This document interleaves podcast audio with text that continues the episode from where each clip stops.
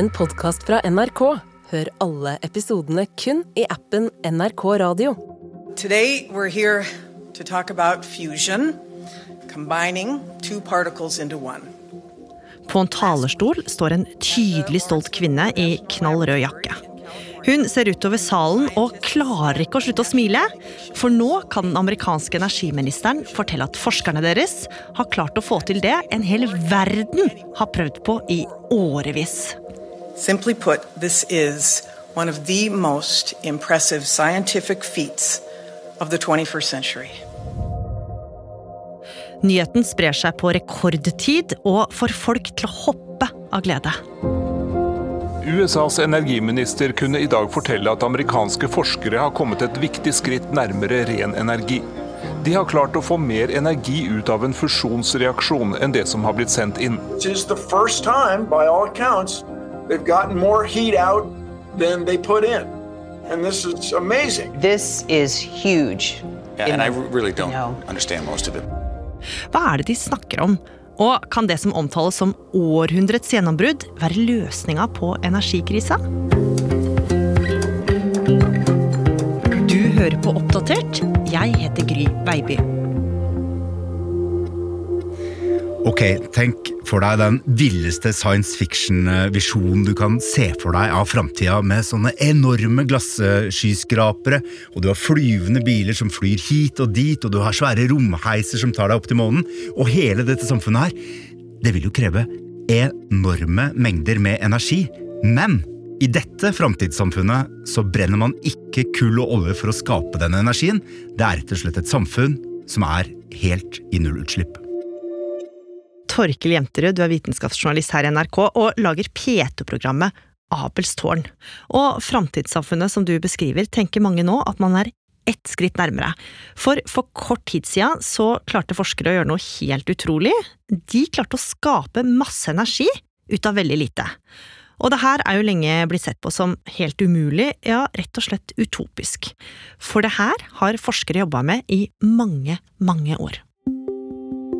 Året var 1950, og på et hemmelig laboratorium i det tidligere Sovjetunionen satt to atomfysikere og jobba intenst.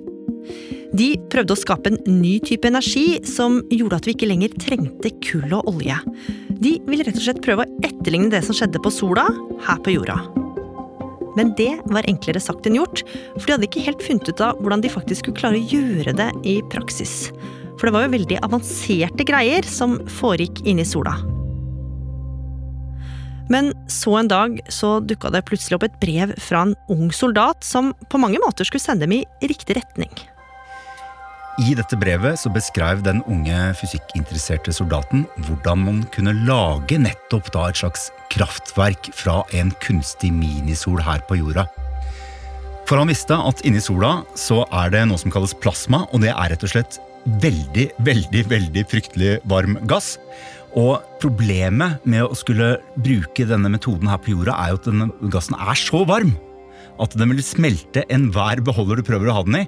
Så han så for seg at man istedenfor kunne man fange gassen, eller plasmaet da, i et magnetfelt. Ok, og det her var jo en ny idé, nemlig at man kunne bruke magneter for å kontrollere den glovarme gassen. Og selv om det var åpenbart at denne tipseren ikke hadde alle svara, så satte han nå forskerne på helt nye tanker, Torkil. Ja, hva om de klarte å fange denne gassen i et magnetfelt som ikke har noen ender, hvor den kan renne ut? Og da tenkte de at en ring, den er jo rund og har ingen ende. Så hvis nå dette magnetfeltet beveger seg rundt inni en smultring, altså en smultringforma beholder, så ville denne her varmegassen aldri da kunne slippe ut. Da ville den sveve rundt og rundt inni midten av denne smultringen. Og denne smultringtanken, da, som de håpa kunne skape det som kalles fusjonskraft, den fikk de lyst til å teste om funka. De bygde en slags rund magnetbeholder, eller reaktor, i laboratoriet sitt, og gjorde noen forsøk. De neste åra så de små antydninger til framskritt. Og selv om de ikke hadde noen store gjennombrudd, så ble de nå overbevist om at de var inne på noe. Men forskernes iver skulle snart bli satt på pause. For Sovjet var en stormakt, og de ville bruke fysikernes hjerner på helt andre ting enn rare smultringforma reaktorer. Så nå ble de satt på en annen, viktigere oppgave, nemlig å lage atomvåpen. Mm, for det var jo kald krig, og det var viktig å vise sine muskler for amerikanerne, som var milevis foran i utviklingen av atomvåpen. For de hadde jo på slutten av andre verdenskrig sluppet to atombomber over Japan, i Hiroshima og Nagasaki. Og selv om nå krigen var slutt, så ville Sovjetunionen vise at de ikke hang etter. Så nå kan vi jo bare se for oss hvordan våre forskere måtte dytte den smultringforma reaktoren inn i et hjørne av laboratoriet, og i stedet brette opp ermene for å prøve å komme på våpen som kunne måle seg med det USA hadde lagd. Og nå viste det seg at erkefienden også forska i å bruke fusjonsenergi, men at de brukte det i våpen. For i 1952 så kom nyheten som bekrefta at USA var ett hestehode foran i denne fusjonsstrømmen. De hadde nemlig testa en atombombe som brukte prinsippene fra sola til å skape en enorm sprengkraft. Da snakker vi om en hydrogenbombe.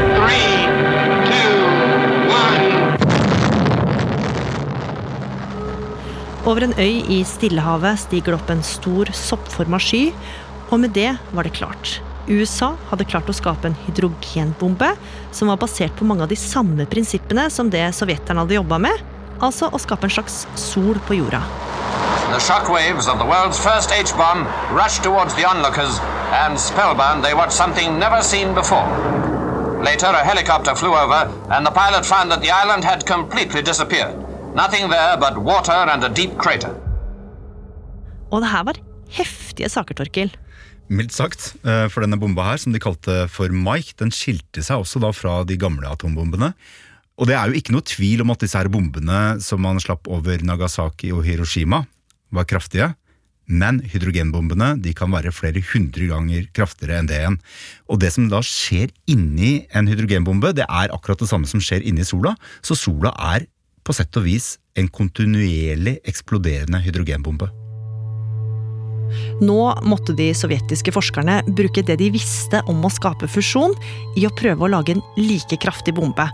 For det her bidro ikke akkurat til at våpenkappløpet mellom de to supermaktene roa seg, Torkil. Nei, og hele ideen med smultringformen den lå glemt i flere år. Helt til da de politiske vindene snudde og det ble mer åpenhet. In Geneva, this conference of scientists and observers representing 72 countries is a heartening sight for all mankind, for they are gathered to discuss the peaceful uses of atomic energy.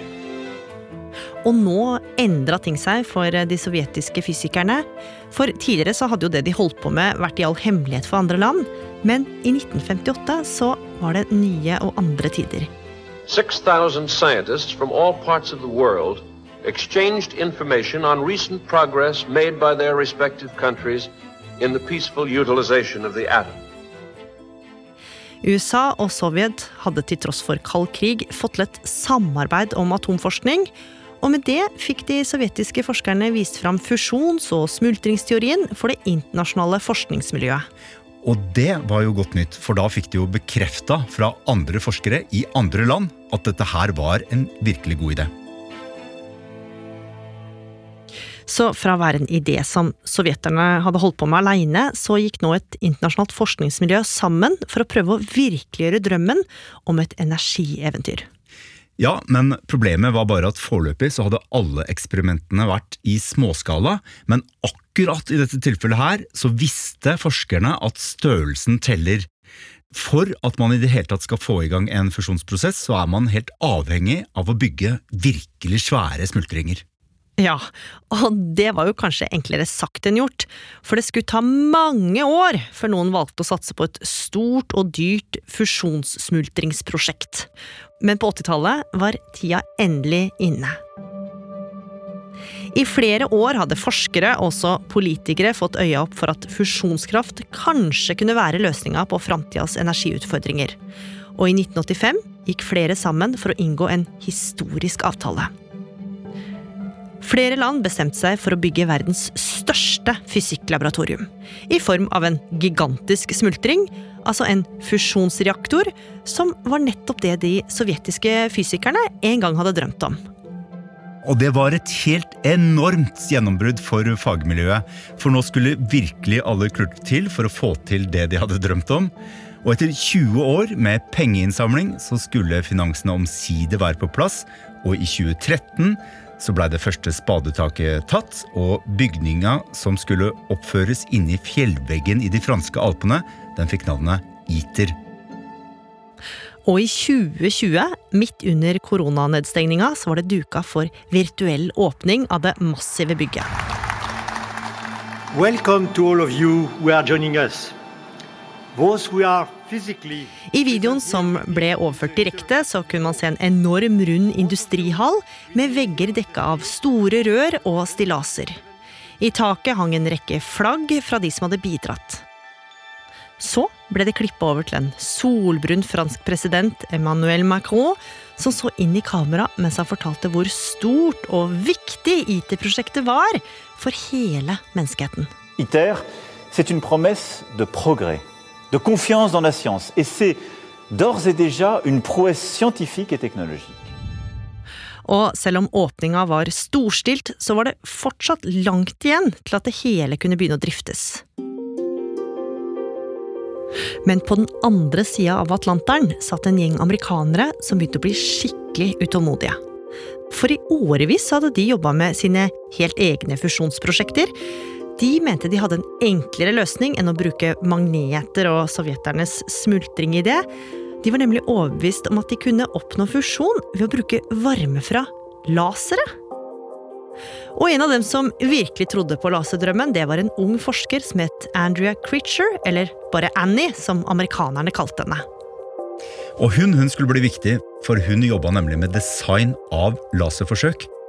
Og det her er ikke småtteri av lasere vi snakker om heller, for vi snakker om skikkelige monsterlasermaskiner som kunne fylle tre amerikanske fotballbaner og være ti etasjer høye. Og alle disse her gedigne laserne de pekte Annie og kollegaene hennes ned mot en bitte liten sånn pepperkornstor klump med brennstoff. Og det var inni denne lille klumpen at de nå prøvde å lage en minisoltorkel. Hvordan da? Jo, Du kan se for deg at du er ute og har et sånn forstørrelsesglass, og så skal du prøve å få det til å antenne noe tørt, løv f.eks., og da konsentrerer du solstrålinga inn i ett lite punkt. Men med disse laserne så har du på en måte et gigantisk forstørrelsesglass, og du har ikke bare ett, men du har hundrevis av dem, tusenvis, og alle disse peker inn mot samme punkt, og inni dette lille punktet, der ligger brennstoffet, som blir da vanvittig varmt, og du får et kjempehøyt trykk, og dette da skal sette i gang denne her laserprosessen. Altså det som skaper fusjonen.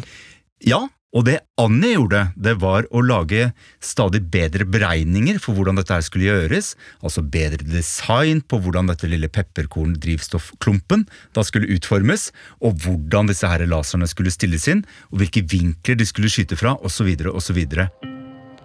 Og først så oppnådde hun å få til en fusjonsreaksjon inni denne klumpen, men det var bare bitte litt energi hun fikk ut, da sett i sammenligning med hvor mye energi som ble skutt inn. Men så forbedra hun og forbedra, og det fikk stadig bedre og bedre resultater. Og så har vi kommet fram til desember 2022. For da skjedde det mange ikke trodde kom til å skje på mange, mange år. Da klarte nemlig amerikanerne å få mer energi ut av fusjonsprosessen enn de brukte på å lage den.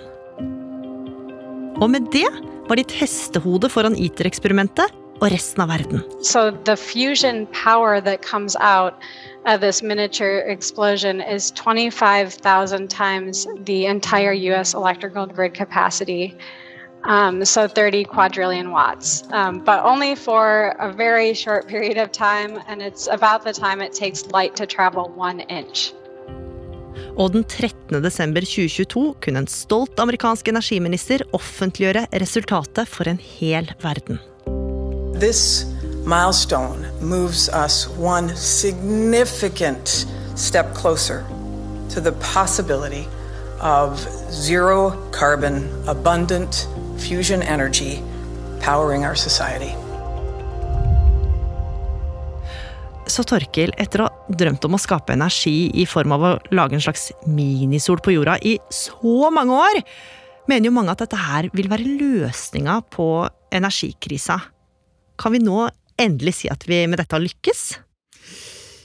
Ja og nei. Fordi at hvis du ser på hvor mye energi som kreves for å drive disse laserne som man da skjøt med, så vil du se at strømforbruket var jo milevis mye høyere enn det man klarte å få ut totalt sett.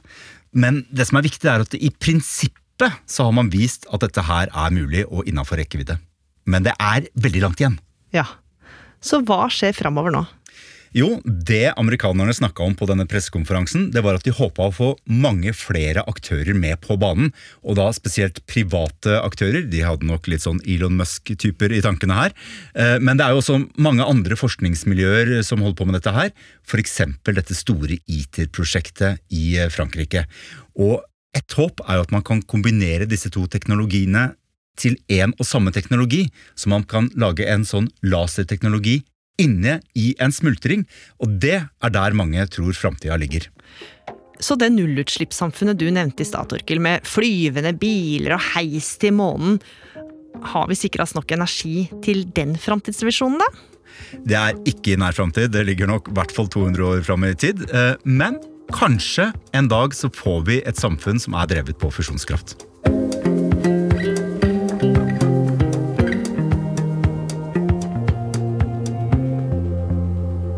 Oppdatert er en podkast fra NRK Nyheter, og denne episoden den ble laga av oss. Produsent Andreas Folberg. Lyddesign Andreas Berge. Vaktsjef Ina Swann. Og jeg heter Gry Veiby. Programredaktør er meg, Knut Magnus Berge. Klippene du har hørt, er fra Associated Press, CBS, CNBC, ABC, CNN, Reuters, podkasten Climate Now, YouTube-kanalen til ITER Organization og NRK. Har du tips eller innspill, så må du gjerne sende oss en e-post på oppdatert krøllalfa nrk.no. Hele historien. En podkast fra NRK. Helge Ingstad, Sola TS. Helge Ingstad. Krigsskipet KNM Helge Ingstad holder god fart inn en trafikkert fjord nord for Bergen. Er det du som kommer her? Ja, det stemmer. Midt imot kommer det store tankskipet Sola TS, fullastet med olje.